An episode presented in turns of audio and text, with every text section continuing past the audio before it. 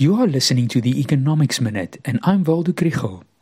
This week, we are already at the middle of the year, and it makes sense to give a brief summary of the state of economic affairs.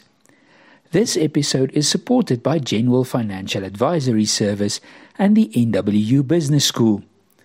On the international front, analysts are somewhat depressed about the continued high inflation, the possibility of further interest rate increases, and subdued economic growth prospects. June's S&P Global Purchasing Managers Index data fell to a 3-month low. Globally, manufacturing and service sectors contracted. Yet inflation remains high in developed economies. In the United Kingdom, inflation increased from 7.1% in April to 8.7% in May, and the Bank of England increased their lending rate by 50 basis points last week. Lending rates were also raised in Norway and Switzerland. The US Fed has said that its rates are likely to be raised again. The Bank of International Settlements has also warned that inflation has not yet been conquered.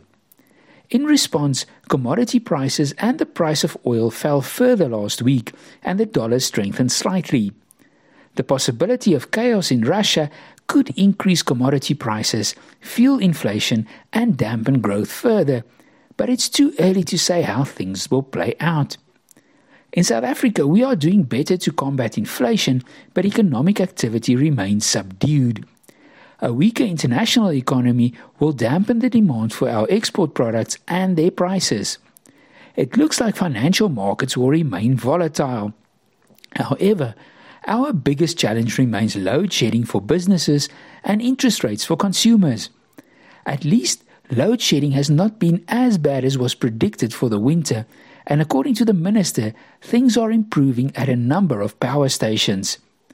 Interest rates and the SARB's new quarterly projection model are the subject of another minute.